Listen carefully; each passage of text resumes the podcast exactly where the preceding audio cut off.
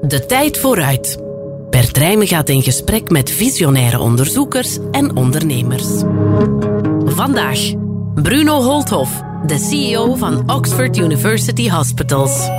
Dus we hebben veel meer behandelkamers nodig en veel minder patiëntenkamers voor overnachting. De tijd vooruit. Hoe overleeft u de toekomst?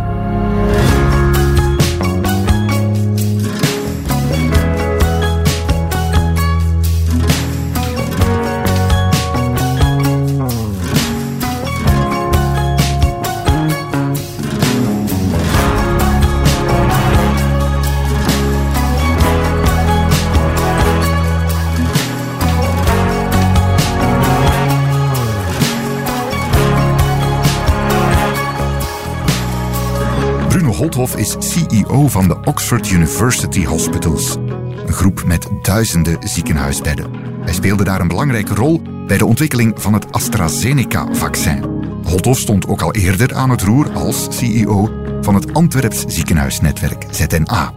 We spraken hem van op afstand over de toekomst van de gezondheidszorg. Hoe zal het ziekenhuis van de toekomst eruit zien en zijn data ook het nieuwe goud voor de gezondheidszorg? We horen het in deze aflevering van de tijd vooruit. Laten we eens beginnen bij het begin, meneer Holthoff. U bent, staat aan het hoofd van die Oxford University Hospitals. Kan u mij eens uitleggen, wat, wat moet ik me daarbij voorstellen? Wat voor een, een bord, zoals we dat in schoon Vlaams zeggen, is dat eigenlijk? Dat is een academisch medisch centrum dat nauw samenwerkt met de universiteit in Oxford. Een beetje zoals Gasthuisberg met KU Leuven samenwerkt. Wij zijn ook in een relatief kleine stad in Engeland gevestigd.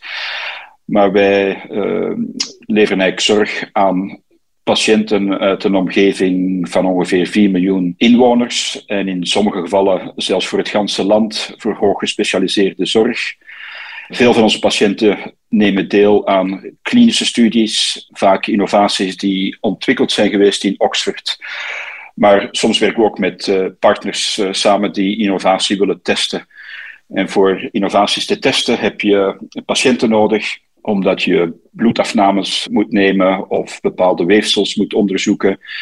Of toegang moet hebben tot de gegevens van imaging en andere onderzoeken die we op die patiënten doen. -hmm. Is het in orde grootte ook te vergelijken met wat we in Leuven kennen? Wij hebben uh, een omzet, jaarlijkse omzet van ongeveer 1,1 miljard pond en uh, 14.000 medewerkers dat ligt ongeveer in lijn met uh, Leuven. Iets groter, denk ik, maar zeer vergelijkbaar. Ja, inderdaad. Dus u zat, als we het zo kunnen zeggen, ook in de frontlinie of in de cockpit op het moment dat we met z'n allen geconfronteerd zijn in de hele wereld, kan je zeggen, met corona. Ja, dat is zo'n beetje, denk ik, de rode draad tussen het gesprek wat we nu zouden kunnen voeren, die, om het met een brede paraplu te formuleren, die toekomst van de gezondheidszorg. Want het is een, een boetade en een open deur, maar ja, als het ergens op van toepassing is, dat heeft de hele wereld en met name ook de gezondheidszorg veranderd. Hè? Ja, inderdaad. Onze medewerkers in Oxford en ook de patiënten die uh, wij behandeld hebben, hebben eigenlijk een enorme bijdrage geleverd aan de wereldwijde strijd tegen de pandemie. En dat is wel heel bijzonder om daaraan meegewerkt te hebben. In Oxford werden verschillende diagnostische tests ontwikkeld. En uh, alle tests, diagnose COVID-tests, van leveranciers over de hele wereld die de UK-overheid eventueel wou aankopen, zijn bij ons gevalideerd. Heel veel van onze medewerkers hebben meegedaan aan de vaccin trial, die uh, intussen ook wereldwijd gekend is. Iets minder gekend, maar een groot deel van onze patiënten was ook proefpersoon voor bestaande en nieuwe medicijnen uh, tegen uh, COVID. Dus we hebben enorm veel innovaties gekend in de voorbije twee jaar. Ja, corona dus, zoals vele onderdelen van de maatschappij, de first hit ook bij jullie in de gezondheidszorg. Laten we eens kijken hè, naar die langere termijn. Als het stof van deze epidemie, en op dit moment ziet het er zelfs een beetje naar uit dat dat aan het gebeuren is, laten we hopen dat dat zo blijft. Als het stof wat neergedaald is, hoe gaat dat die gezondheidszorg veranderd hebben? Hoe zullen we vanaf nu eigenlijk kunnen zeggen, ja, die gezondheidszorg voor corona en erna. Hoe kijkt u daarnaar? Ik denk dat de luisteraars eigenlijk de toekomst al wat meegemaakt hebben tijdens de pandemie. Heel veel innovaties zijn gewoon versneld uh, ingevoerd en gaan zeker een impact hebben ook de volgende vijf tot tien jaar. Uh, iedereen is nu vertrouwd met zelf zich tegen COVID te testen. Met een, uh, ja, een staalname en zelf de, de diagnose uitvoeren thuis. Ook het meten van zuurstofgehalte in het bloed hebben we nu thuis kunnen doen uh, met een videoconsult met een specialist. Die eventueel kan advies geven of je al dan niet naar het ziekenhuis moet komen. Ja, dus ik denk dat in de eerste golf hebben wij het meeste van onze COVID-patiënten opgenomen en behandeld in het ziekenhuis. In de laatste Omicron-golf, en die was natuurlijk iets minder ziekmakend, maar zelfs als je daarvan abstractie neemt, dan hebben wij eigenlijk een heleboel van onze patiënten gewoon thuis kunnen diagnosticeren en uh, behandelen. Met onder andere ook de nieuwe geneesmiddelen die je nu gewoon als een pil kan uh, nemen thuis. Ja, u noemt het al, het testen zelf thuis, zuurstof meten thuis en dan ja, dat die gegevens naar je behandelende arts uh, doorgaan. Zijn daar dingen nog in de pijplijn waar u al zicht op heeft, die misschien nog verder gaan of, of op andere aspecten van ja, onze medische behandeling slaan? Ja, er zijn heel veel technologie die nu ontwikkeld wordt waarmee je diagnose thuis kunt stellen. En dat uh, is nuttig om eventueel dan ook de behandeling thuis op te starten of gewoon om het effect van de behandeling thuis te kunnen opvolgen. Het zijn dan wat men vaak noemt de wearables, die allerlei vitale parameters opvolgen maar ook uh, bloedanalyses uh, kunnen doen, bijvoorbeeld voor diabetes. Dus heel wat andere ziektes, denk aan hypertensie, diabetes, dat soort van chronische ziektes kunnen we zeker thuis opvolgen. Maar ook een aantal uh, infectieuze ziektes zullen we binnenkort thuis kunnen diagnosticeren en dan eventueel thuis de behandeling opstarten. Als je dan thuis al een hele hoop kan doen, ja, dan zal het ziekenhuis er ook wel anders uitzien in de toekomst. Ja, absoluut. Uh, dit jaar gaat het ziekenhuis, waarvan ik het contract nog getekend heb voor ik naar Oxford ging, nieuwe ziekenhuis in Antwerpen uh, opengaan, ZNA Cadix. Wij hebben dat toen al ontworpen met een zeer flexibele structuur, zodat patiëntenkamers kunnen omgebouwd worden tot diagnose- en behandelkamers. Maar patiënten gaan niet meer in het ziekenhuis overnachten, maar we gaan ze wel in een scanner moeten leggen of we gaan een ingreep moeten doen. Dus we hebben veel meer behandelkamers nodig en veel minder patiëntenkamers voor overnachting. Ook in Oxford hebben we nu net een nieuw gebouw geopend met intensieve zorgen, uh, bedden. Dus dat zijn nog wel bedden waar een patiënt opgenomen wordt, maar dat gaat voor zeer complexe ingrepen, waar dan vaak een patiënt maar voor 24 uur uh, opgenomen wordt en heel snel naar huis gaat. Maar de grootste capaciteitsuitbreiding die we plannen zijn gewoon meer operatiekamers en interventiekamers. En daar gaan we nu ook een nieuw gebouw opstarten dat uh, 30% meer capaciteit in uh, operatiekamers levert. Want dat is wat we nodig hebben, niet uh, bijkomende verpleegafdelingen. Ja, zo wordt een ziekenhuis vooral, ja, zoals u het eigenlijk zelf noemt, een soort diagnose- en behandelcentrum. Veel meer dan, uh, of veel minder uh, met wat we tot nog toe gezien hebben, waar je dan ook langer, weken soms uh, verblijft. Ja, geen hotel meer, inderdaad. ja, dat zegt u. Als investering gaat ook veel minder naar, naar bakstenen, naar gebouwen. Het gaat ook veel meer richting digitale platformen die we eigenlijk nodig hebben om de verschillende professionals met elkaar te verbinden. Denk aan huisartsen, apothekers, specialisten, om die veel beter te verbinden met de patiënten, uh, die dan ook veel meer controle kunnen houden op hun eigen behandeltrajecten. Wat wil dat eigenlijk zeggen voor mij als uh, patiënt, meneer Holtoft, in, in die nieuwe realiteit die u mij zo schetst? Wel, ik denk dat je veel meer zelf de architect gaat zijn van hoe je wil behandeld worden. Mm. Dat moet eigenlijk starten met je gezond houden. Als je kijkt hoe dat veel mensen nu al smartwatches gebruiken om eigenlijk hun hartslag te meten, hun activiteitenniveau, het aantal stappen dat ze afleggen. Dus de preventie die wordt enorm belangrijk. Die gegevens worden ook gedeeld met de huisarts en de specialist. Dus zij hebben een veel beter zicht op hoe gezond je bent. En dat betekent dat we ook veel meer specifiek kunnen inspelen op eventuele problemen die zich mogelijk gaan voordoen. We noemen dat eigenlijk targeted preventie, is eigenlijk preventie uh, in de volgende heel stap, gericht, ja, ja, heel gericht gaan aanbieden aan uh, mensen waar dat er mogelijk problemen gaan, uh, zich voordoen. Mm wat wil dat dan eigenlijk zeggen? Wil dat dan zeggen dat ja, jullie, eh, of de gezondheidszorg, om het wat positiever te formuleren, een hele hoop gegevens gaan hebben van iedereen en op basis daarvan ja, ook veel gerichter uh, die preventie waar u het daarnet over had, om, om die veel gerichter te kunnen uitvoeren of, of ja, te laten doorgaan? Ja, inderdaad. Een, misschien een voorbeeld uit de pandemie. Vaccinaties mhm. waren erg belangrijk. Ehm, zoveel mogelijk mensen zouden zich moeten laten vaccineren.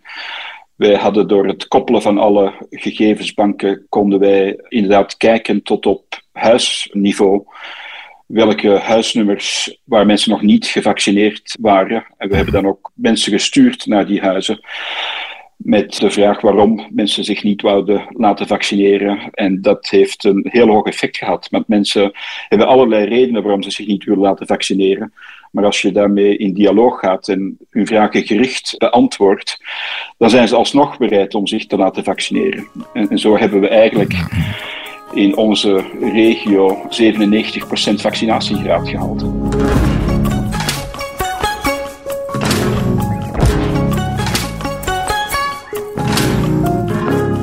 Hoe zwaar de pandemie ook weegt, het is duidelijk dat we op medisch vlak enorm veel stappen hebben gezet. Stappen die misschien al langer op tafel lagen, maar nu ook effectief uitgevoerd worden.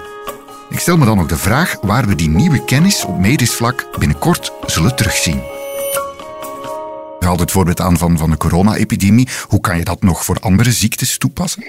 Wel, denk aan uh, hoge bloeddruk, diabetes. Uh, vaak mensen weten het niet, ja, dat ze een hoge bloeddruk hebben of een hoog uh, glucosegehalte.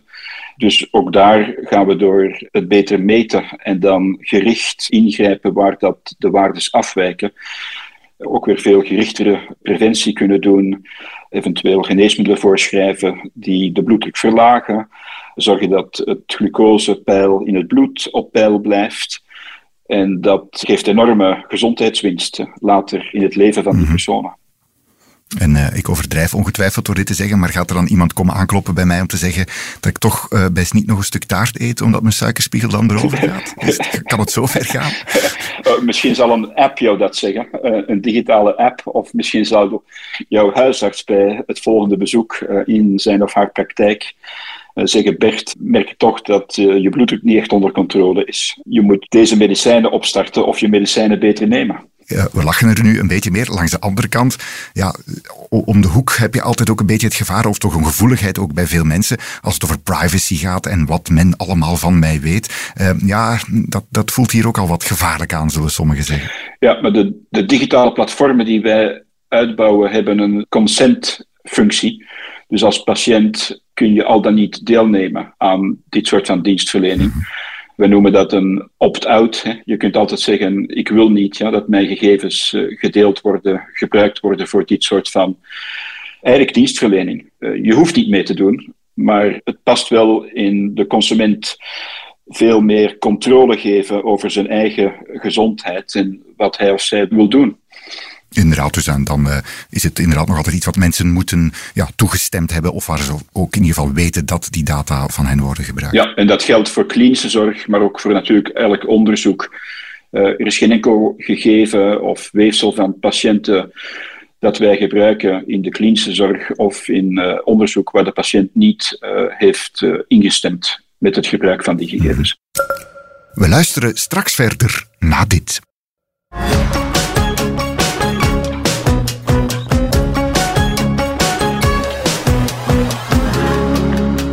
We weten nu al ongeveer hoe het toekomstige ziekenhuis ingericht zal worden, hoe data onze diagnoses helpen versnellen. Maar wat betekent dat voor behandelingen? Zullen we nog sneller en gerichter bepaalde medicijnen kunnen ontwikkelen?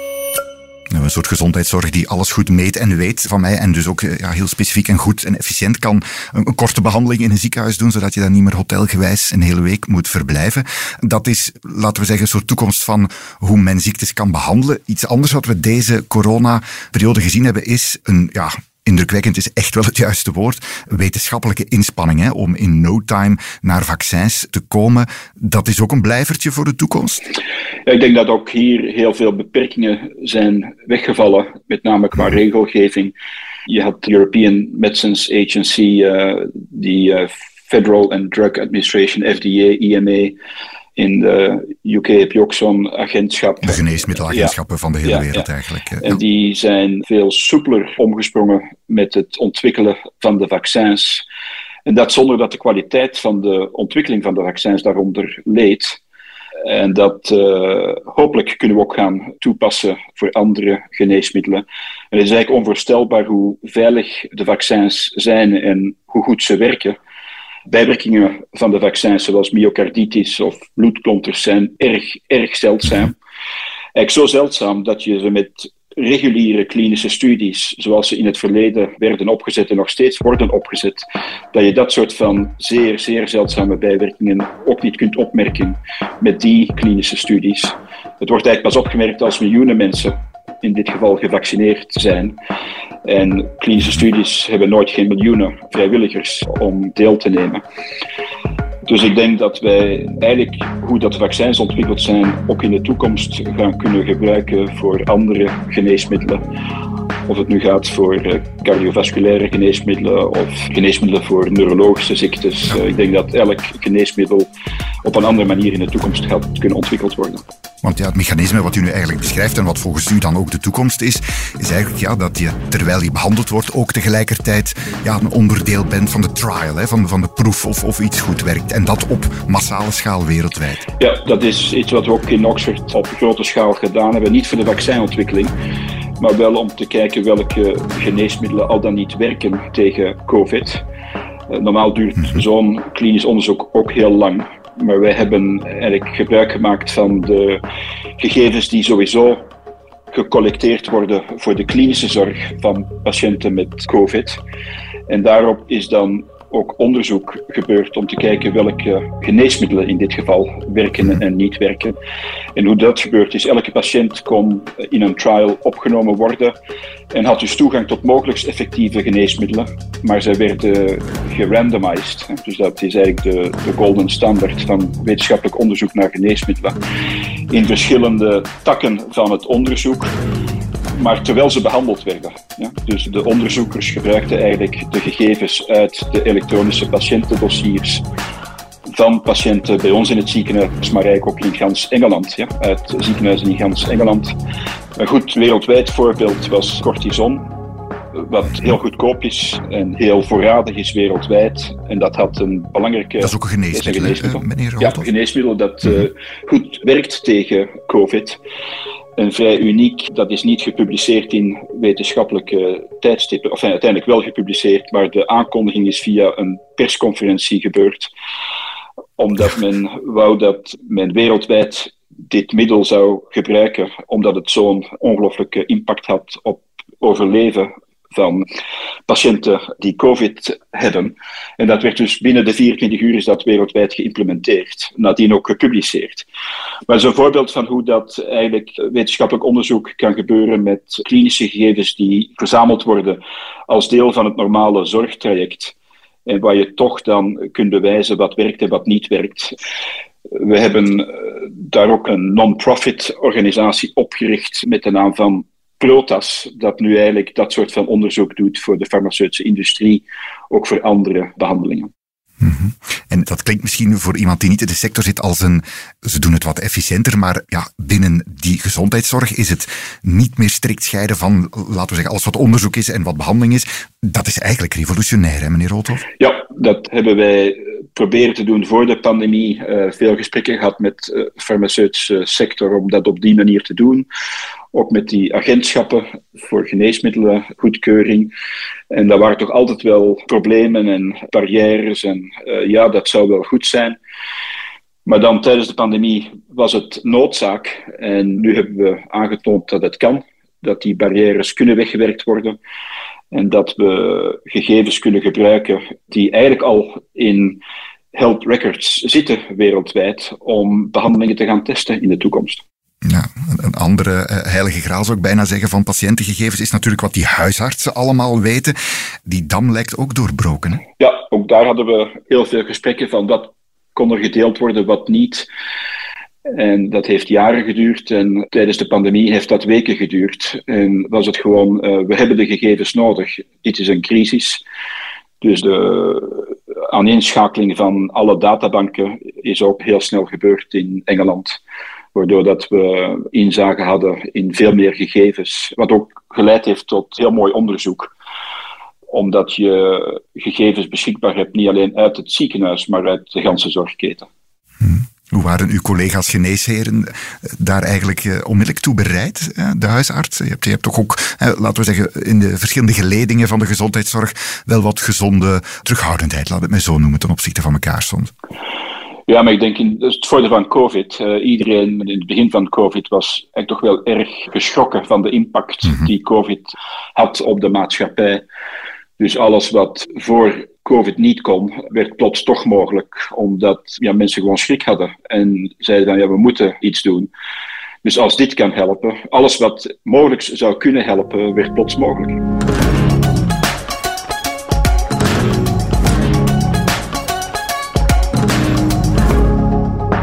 Hebben de voorbije jaren vooruitgang gezien op het vlak van behandeling, maar het heeft de Big Pharma ook geen windeieren gelegd. Big data, waar de geneeskunde nu volop gebruik van kan maken, kan ook voor genetica het verschil maken. Nog iets wat plots mogelijk was, um, wat u mij tot nog toe vertelt, heeft heel veel te maken met data. Het hebben van data, van snel data te hebben, van heel veel data te hebben. Een ander aspect van, van corona nu en van, van de vaccins bijvoorbeeld die er zijn, is een heel erge focus op genetica, genomics. Ook dat heeft met heel veel data uh, te maken. Hè? Ja, inderdaad. De data van genomen, dat zijn enorm veel gegevens die moeten opgeslagen worden en geanalyseerd worden. Dat vraagt een enorme investering in de digitale infrastructuur. De, in Oxford hebben we Oxford uh, Nanopore gebruikt. Dat is eigenlijk de grote concurrent van Illumina. Uh, dat zijn technologieën die gebruikt worden om gene sequencing te doen. En die gegevens worden dan opgeslagen in uh, databanken en kunnen dan, die genomen kunnen geanalyseerd worden. Iedereen kent dat nu, omdat we spreken over varianten. Varianten zijn eigenlijk variaties in de, in de genetische code van het virus, in dit geval RNA. Maar je hebt ook uh, eh, DNA en ook uh, dat kan met diezelfde technologie geanalyseerd worden. En ook daar kun je mutaties hebben die bijvoorbeeld leiden tot kanker bij de mens. Dus er is een enorme ook versnelling gebeurd eigenlijk om niet alleen pathogenen zoals COVID, hè, dus bacteriën en virus, uh, daar het mhm. genoom van te sequencen, maar ook bij kanker en andere ziektes bij de mens eigenlijk te gaan kijken wat is de onderliggende genetische variatie eh, die ten grondslag ligt van die ziekte. Dus dat is absoluut ook weer de toekomst om dat te gaan doen. Kan u mij dat eens in, in concreto beschrijven, die, die versnelling? Waar zit die in? Wat maakt, ja, hoeveel meer gegevens hebben we en, en hoe krijgen we die nu? Ja, ook een initiatief dat aangekondigd is dat Oracle uh, is eigenlijk een van de grote spelers om cloud-based storage te doen van data, is onder andere ook de mhm. backbone van Amazon. Dus Oracle is een wereldspeler om gegevens op te slaan in wat we noemen de cloud. Zij gaan uh, samenwerken met het Tony Blair Institute hier in de UK en ook met Oxford. Om bijvoorbeeld in Afrika gratis die digitale infrastructuur ter beschikking te stellen. Zodat lokale universiteiten die gene sequencing kunnen doen, maar ook de gegevens kunnen opslaan in die cloud-based service. Eh, ze gaan dat gratis aanbieden voor low resource settings. En Oxford zal het consortium leiden dat de analyses gaat doen op al die data. Waardoor dat we eigenlijk een globaal, we noemen dat surveillance systeem krijgen voor elke pathogeen. Dus niet alleen COVID, ook influenza, malaria, alle infectieziekten kunnen eigenlijk op die manier kunnen we een globaal surveillance systeem opzetten, wat ons zeker gaat helpen om korter op de bal te spelen in de toekomst. Dat vereist natuurlijk wel dat elk land moet bereid zijn om daaraan deel te nemen en dus mhm. gene sequencing te doen op de pathogenen en die ook te willen opladen in dat wereldwijd systeem. En daar zit natuurlijk wel ook een, een geopolitieke dimensie aan, zoals we gezien hebben met COVID, zowel bij het begin als bij het ontdekken van varianten. Als landen dan plots beginnen grenzen toe te gooien, is er wat terughoudendheid om eventueel gegevens te gaan delen. Eh, maar ik denk op termijn gaat die technologie uh, ons enorm helpen wat betreft infectieziekten. Maar hetzelfde gaan we ook doen in kankerdiagnose. Waar dat in het verleden werd een kanker uit het lichaam gesneden of op zijn minst een klein stukje van de kanker verwijderd om een diagnose te kunnen stellen op de kanker. Dat werd vaak, dat stukje weefsel werd op een glasplaat geanalyseerd onder een microscoop om eigenlijk vooral de celstructuur te analyseren en een beetje ook de werking van de cel. Maar nu wordt ook standaard bij ons voor alle kankers ook het genetische inhoud van die kankercellen geanalyseerd. En dat geeft ons bijkomende informatie van welke geneesmiddelen eventueel effectief gaan zijn tegen die kanker. En daarmee krijg je dus op een heel makkelijke manier een ja, echt massadata te verwerken, hè? Of, of binnen. Ja, en gelukkig is de technologie daar. Wij kunnen die data opslaan in de cloud. En de processing power van onze computers is sterk genoeg om ook die massale data die we op die manier krijgen te kunnen analyseren. Mhm, big data in uh, ja, uh, geneeskundige of wetenschappelijk geneeskundige ontwikkeling. Andere big uh, is in, in, deze misschien big pharma. Hè, grote pharma hebben ook bewezen in deze crisis dat, ze, ja, dat je die eigenlijk wel nodig hebt. Zij zijn degene die echt het verschil maken om zoiets wereldwijd aan te pakken. Kan u mij dat eens uitleggen? Ja, big pharma heeft een enorme rol gespeeld in het opschalen van het klinisch onderzoek voor een goedkeuring in de verschillende landen moet je vaak onderzoek doen in die landen. Zeker in de westerse landen willen de geneesmiddelenautoriteiten dat er op hun bevolking onderzoek gebeurt. We zien dat trouwens ook in Afrika nu. Ja. Er gebeurt eh, ook veel meer onderzoek in Afrika op die populatie. Mhm. Om de doeltreffendheid van geneesmiddelen kan toch ook afhangen van het ras dat aanwezig is uh, in, in dat land. Dus ik denk dat wij inderdaad de Pharma kunnen enorm bedanken dat ze die fase 3 onderzoeken hebben opgeschaald in zoveel verschillende landen overal in, in, in de wereld. Fase 3, kan u dat even uitleggen waarom dat daar zo belangrijk is, die Big Pharma? Wel, fase 3 is eigenlijk het laatste fase van het onderzoek voor een goedkeuring van een geneesmiddel, waar dat je een groot aantal patiënten, we spreken niet over miljoenen zoals ik eerder zei, maar toch over tienduizenden patiënten in het geval van een COVID-vaccin. Mhm moet injecteren met het uh, vaccin en kijken of het werkt. Ja, dus dat is eigenlijk een fase van het onderzoek waarin de werking van het vaccin of het geneesmiddel wordt onderzocht. En daar heb je heel veel personen voor nodig.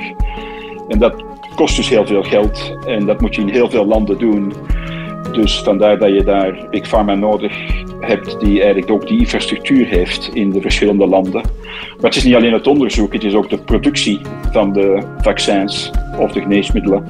Ook dat eh, vraagt wereldwijde productiecapaciteit. Je moet dat in elk land registreren.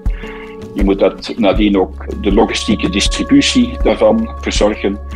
Dus daar heb je globale organisaties nodig die dat kunnen doen, zoals uh, Pfizer, uh, AstraZeneca. Je hebt gemerkt dat Moderna, die eigenlijk een relatief kleinere firma is, daar ook wel wat problemen heeft om dat snel te kunnen opschalen. En vandaar ook dat Oxford natuurlijk Big Pharma nodig had om het Oxford-vaccin mhm. in miljarden dosissen te beschikking te stellen aan de wereld. Is het goed met hen samenwerken, meneer Holthoff, met die Big Pharma? AstraZeneca was een zeer prettige samenwerking. Zij hebben de samenwerking met Oxford uh, op een non-profit basis gedaan.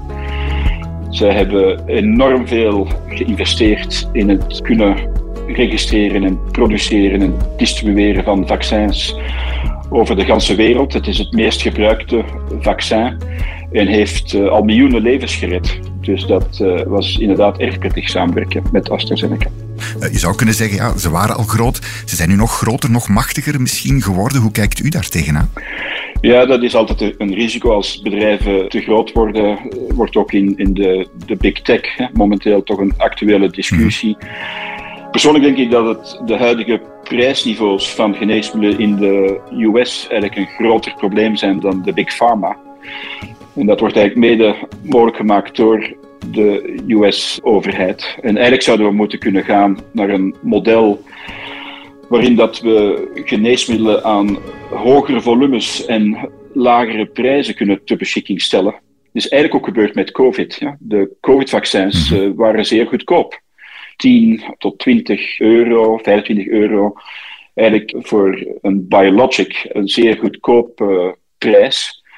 Maar de volumes waren natuurlijk miljarden, ja? miljarden dosissen.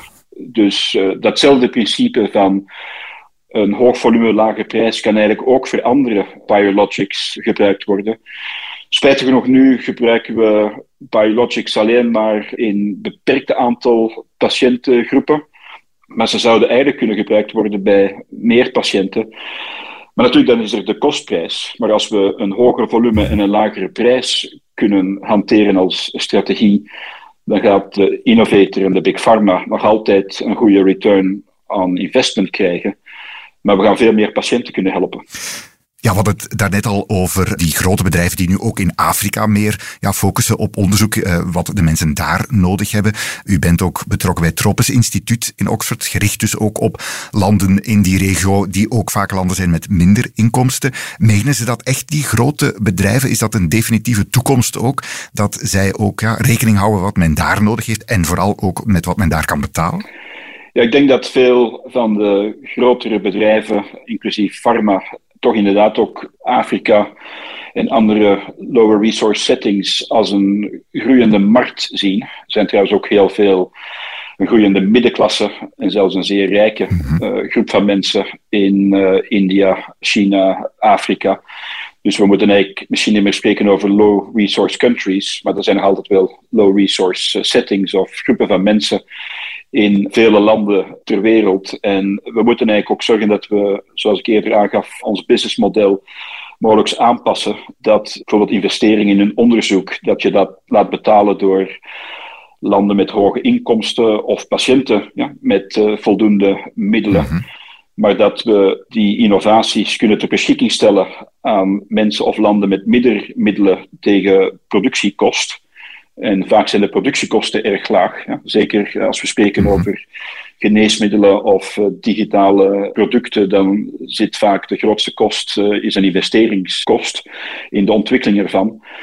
Het ter beschikking stellen is eigenlijk relatief uh, goedkoop. En als mensen dat zelfs niet kunnen betalen, eventueel de lage variabele productiekosten, dan kan er nog altijd gebruik gemaakt worden van charitable foundations of andere manieren om die middelen toch ter beschikking te stellen. En dat is eigenlijk wat gebeurd is met COVID-vaccins. Een aantal farmabedrijven, zoals AstraZeneca, stellen dit product ter beschikking tegen variabele kost aan die landen. En als die landen dat nog niet kunnen betalen, dan is er het COVAX-initiatief ja, dat probeert om die, uh, die kosten mhm. op zich te nemen.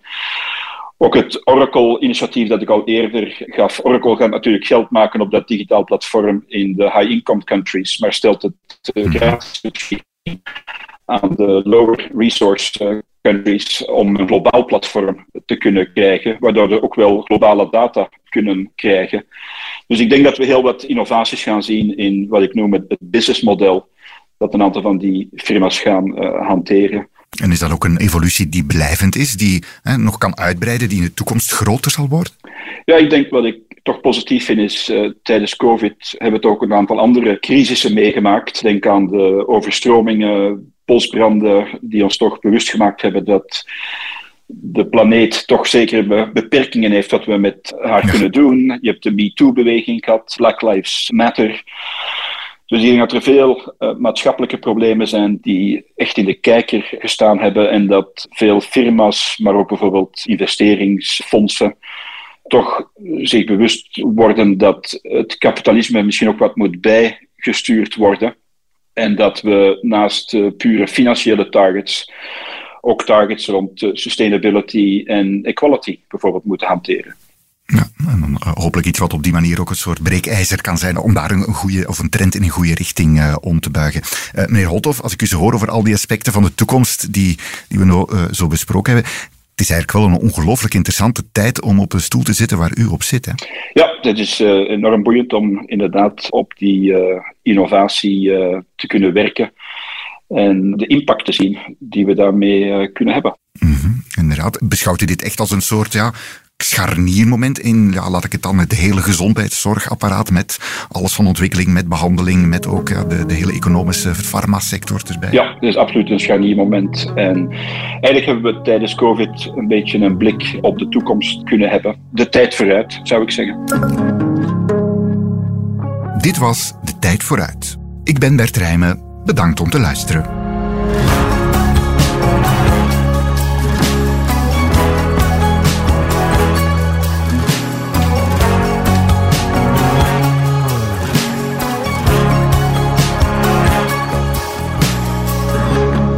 Voor meer business en straffe nieuwsverhalen, check tijd.be of onze app.